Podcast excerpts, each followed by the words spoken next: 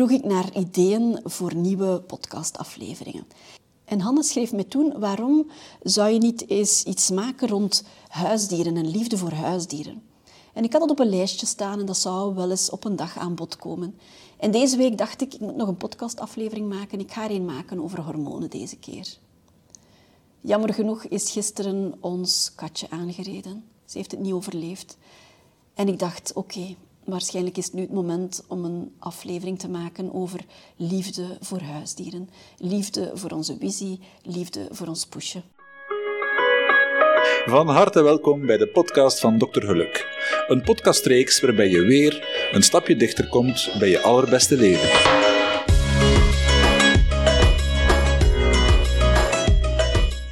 Het was gisteren zondag en ik was net terug van een week schrijfvakantie in Spanje. Het was daar mooi weer. Toen ik terugkwam was het hier kil en koud en grijs. Dus de overgang was al moeilijk. Maar gisterochtend, ik ging boodschappen doen, ik zou koken. We gingen kroketjes eten. En net toen ik de parking van de supermarkt opreed, kreeg ik telefoon. Kom meteen naar huis, want ik denk dat Visie doodgereden is. Ik was in alle staten en het ergste was nog dat ik het mijn dochter zou moeten gaan vertellen. Nu, had je mij dit zeven jaar geleden gezegd dat ik zou huilen, dat ik mij een hele dag slecht zou voelen om de dood van een huisdier, dan had ik je waarschijnlijk niet geloofd. Het is maar zes jaar geleden dat ik ontdekt heb dat je zoveel liefde kan hebben voor een huisdier. En ik zag dat rond mij, ik hoorde dat rond mij, ik zag het verdriet rond mij als er een huisdiertje stierf, maar zelf kon ik dat eigenlijk niet bevatten. Ik wist dat het bestond, maar ik kon het zelf niet voelen. Toen ik besloot om te gaan scheiden, dat was negen jaar geleden en acht jaar geleden ben ik dan alleen gaan wonen, toen zei een goede vriend van mij, neem toch een huisdiertje voor je dochter. Ze gaat dat zo fijn vinden. Maar ik was helemaal niet voor huisdieren. Ik had vroeger als kind heel veel eczeem, maar heel veel eczeem. Mijn elleboogplooien, mijn knieplooien, dat was tot bloedens toe. Mijn ouders zijn daarvoor heel vaak naar de dokter gegaan, naar specialisten. Ik was echt enorm, enorm allergisch. En er werd toen getest. Ik was allergisch aan honden, aan katten, aan huisstofmijt. we hadden toen een hond, een Duitse herder. Mijn ouders hebben die onmiddellijk weggedaan. Alle gordijnen werden weggehaald, kussens, alle tapijten. En dat allemaal om mij van mijn eczeem af te helpen. Waarschijnlijk dacht ik toen van, ik ga dat verlangen naar huisdieren opbergen. Het kan toch niet, dus ik ga er ook niet naar verlangen. Ik ga er ook niet meer over spreken. Ik ga er ook niet meer over dromen. Ik heb mij daar toen een gedacht van gemaakt en ik heb dat eigenlijk helemaal verdrongen. En ik zag mensen vol lof of vol liefde praten over hun huisdieren. En ik was dan intussen arts. Ik ging op huisbezoek en dan was er een hondje aan de deur. Of er sprong een hond op mij. Of er lag een kat op de zetel waar ik wou gaan zitten en zo. Voor mij was dat gewoon meubilair. Ik kon dat niet bevatten. Ik zag mensen voor mij zitten, soms tot tranen toe, die verlof kwamen vragen, ziekteverlof, omdat ze niet konden functioneren, omdat hun huisdier overleden was of omdat ze hun huisdier laten inslapen hadden. Ik zag hun verdriet, ik registreerde dat, maar ik kon dat zelf niet doorvoelen. Tot een goede vriend mij dan zes jaar geleden zei van waarom zou je geen huisdier nemen voor je dochtertje? Ik woonde dan alleen. Bij haar papa hadden ze een katje gehad, maar dat katje was ontsnapt toen ze dat gingen laten inenten bij de dierenarts. Dat, dat katje was er vandoor gegaan en het uh, katje was nooit meer teruggekomen. Haar papa had ook een hond. Haar papa is een hondenman. Had al heel zijn leven honden bij zijn ouders. Hij wilde nu zelf ook een hond. Ik was daar niet voor, dus zolang ik daar woonde, hield hij rekening daarmee en kwam er geen hond. Maar het moment dat ik ging verhuizen, heeft hij besloten om een hond te nemen. En ik dacht, oké, een poesje, dat is misschien goed. Ja, daar heb ik niet veel omziens naar. Dat kan overdag zijn of haar plan trekken. Oké, misschien moeten we dat maar doen. En toevallig had een patiënte van ons twee vondelingetjes, twee heel jonge katjes. En Johanna en ik zijn er naartoe gereden. Met het idee van misschien, misschien als wij akkoord zijn, dan gaan we het misschien binnen enkele weken adopteren. Want dan is het vakantie, dat komt ons goed uit, herfstvakantie. Maar waar raad je? We hebben dat poesje gezien en we waren natuurlijk allebei onmiddellijk verkocht. En we hebben dat poesje onmiddellijk meegenomen. Het was nog maar vijf maanden oud. Het was een vondelingetje, dus dat werd onmiddellijk heel aanhankelijk. Dat werd echt een knuffelpoesje. Dat is het, tot de laatste dag is het dat gebleven. Het was een heel, heel lief, mooi poesje. En Johanna gaf het de naam van Wizzy. Gisteren heeft ze een afscheidsbrief geschreven en ik las dus... Visie was de afkorting van Wizard. Wizard of Love. En dat moet iets te maken hebben met Harry Potter. Ze is heel erg fan van Harry Potter en al op heel jonge leeftijd las zij die dikke boeken van Harry Potter. Dus Visie kwam in ons leven, stal ons hart. Eh, we kochten er speelgoedjes voor.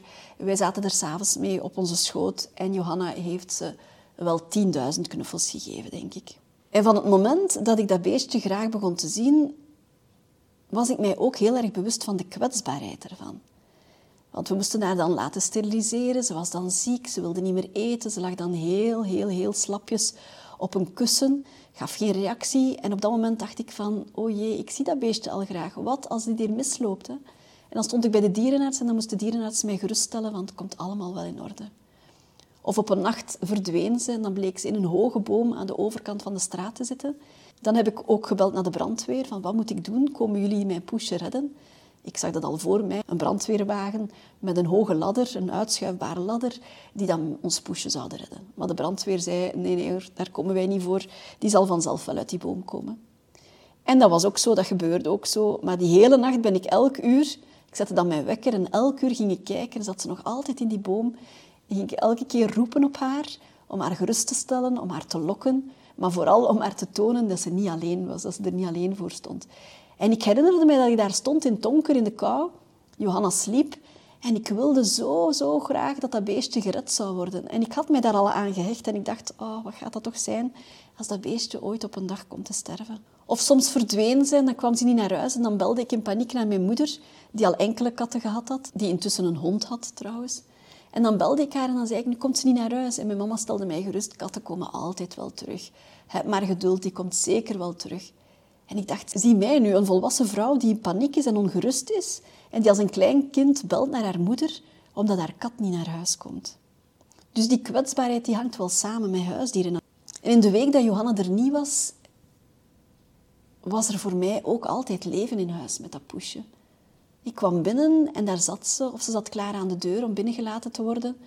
Ik had een zingeving, ik kon haar eten geven, ik had haar s'avonds op mijn schoot. Dan begon ze te spinnen en je voelt je eigenlijk wel nuttig. Je hebt een zingeving, je bent er voor iemand, je bent er voor een levend wezen. Er is leven in huis, er is warmte in huis. Je kan voor iemand zorgen, je maakt het verschil voor iemand. Hè. Ik herinner mij, ik had een patiënte, een jonge vrouw, ze was heel, heel depressief en had echt wel serieus zware zelfmoordneiging. En ze zei mij, het enige waarvoor ik het niet doe, dat is omdat ik twee katjes heb. Dat kan ik mijn katjes niet aandoen. En ik dacht bij mezelf, ik ben die katjes zo dankbaar dat die ervoor zorgen dat hun baasje blijft leven. Dat kan het verschil maken. Hè? Je huisdieren geven je zin om te blijven doorgaan. Ik had een ander voorbeeld. Ik had een, ik had een koppel en man en vrouw wouden allebei samen op hetzelfde moment euthanasie laten uitvoeren. En een paar dagen daarvoor hebben ze de huisdieren laten inslapen. Hebben ze de kat en de hond laten inslapen, omdat ze niet wilden dat die beestjes zonder hen verder moesten of dat die beestjes naar een asiel moesten.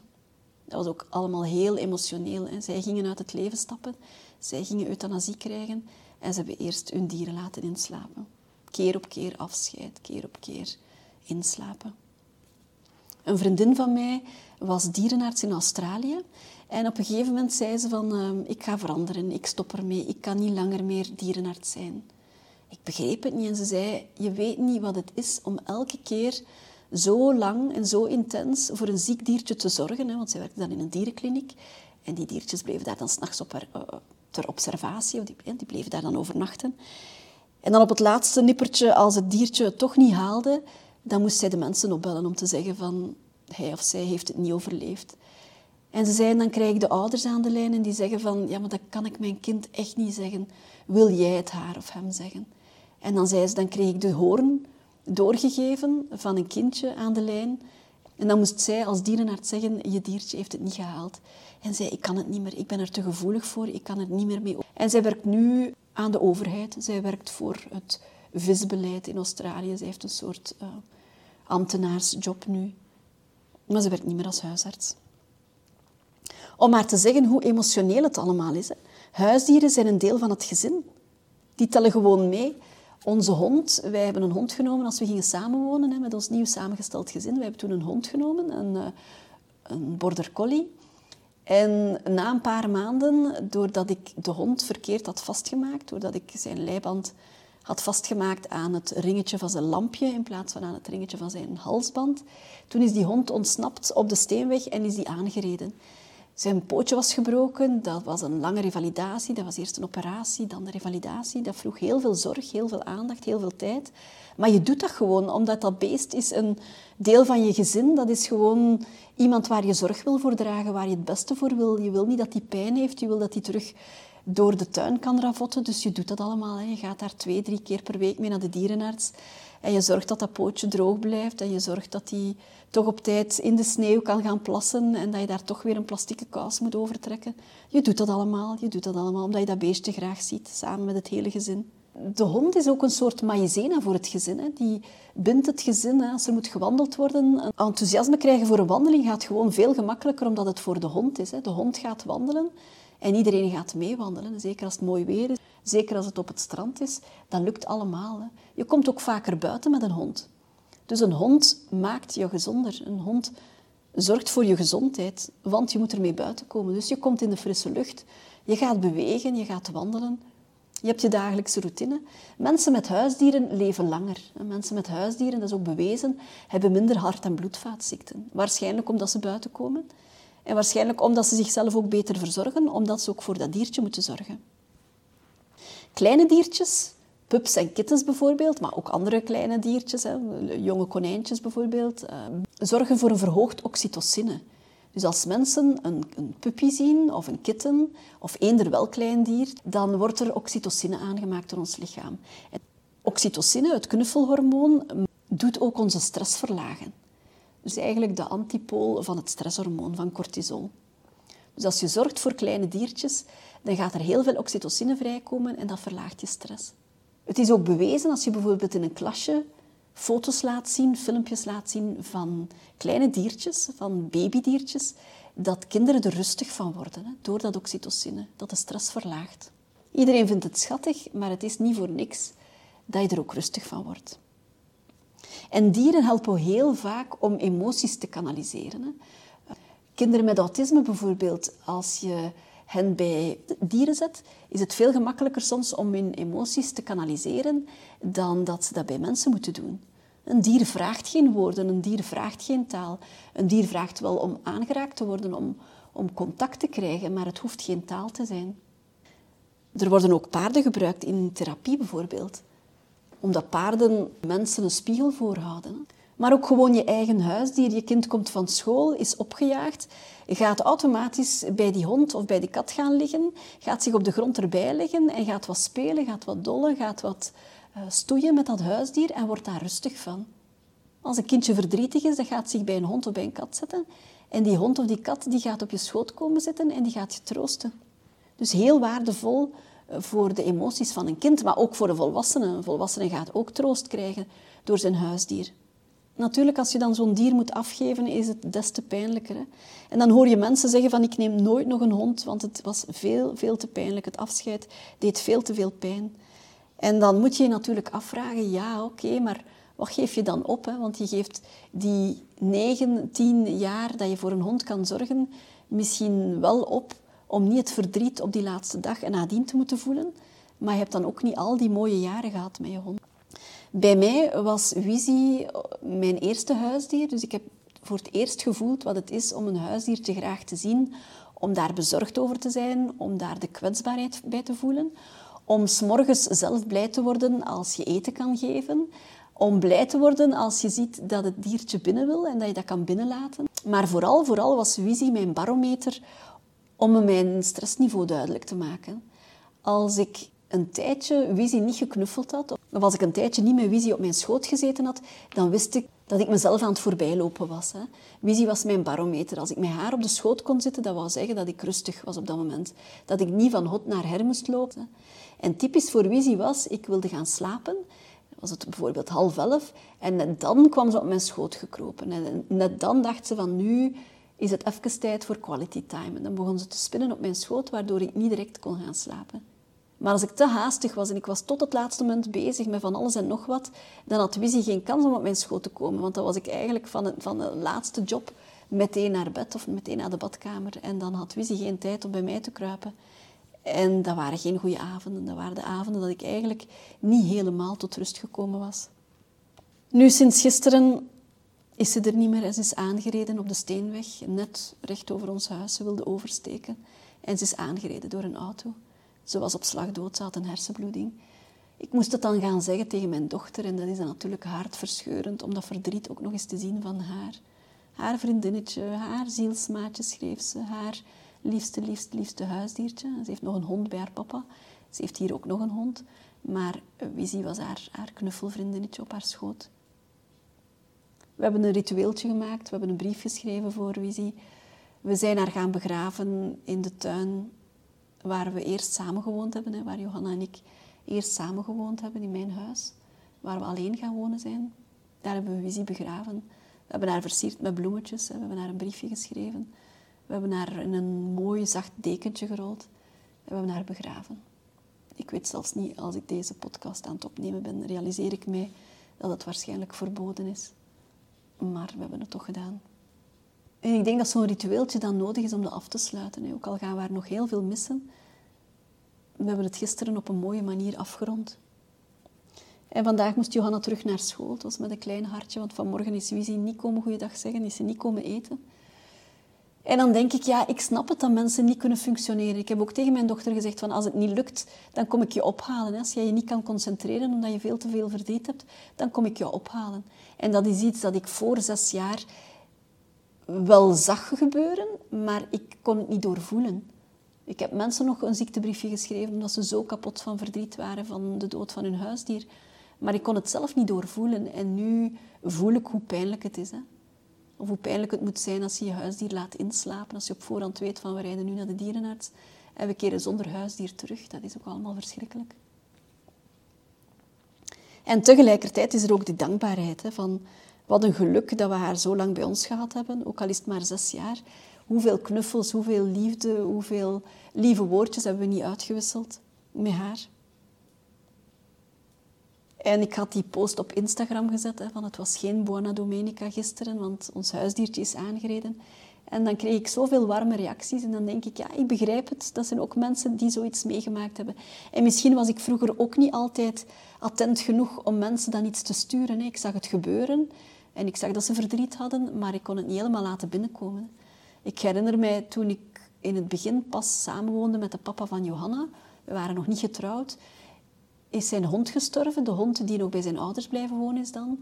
En ik weet dat hij terugkwam en dat hij heel verdrietig was. was helemaal van slag, want zijn hond was dood. Wodan was dood. En ik kon hem niet troosten. Dat lukte niet. Ik, ik kon dat zelf niet voelen en ik ging dat ook uit de weg dan.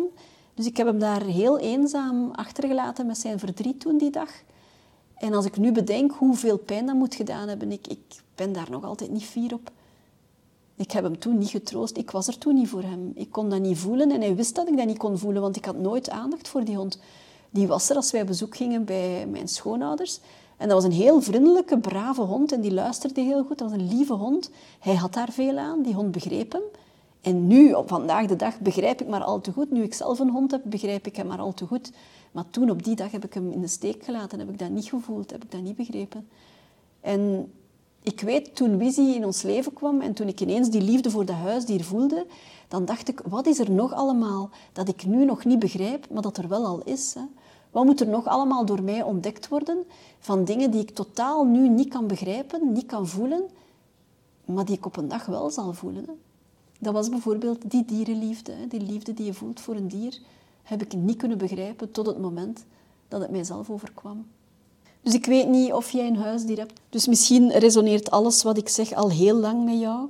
Met hoe jij over dieren denkt, met hoe jij over huisdieren denkt.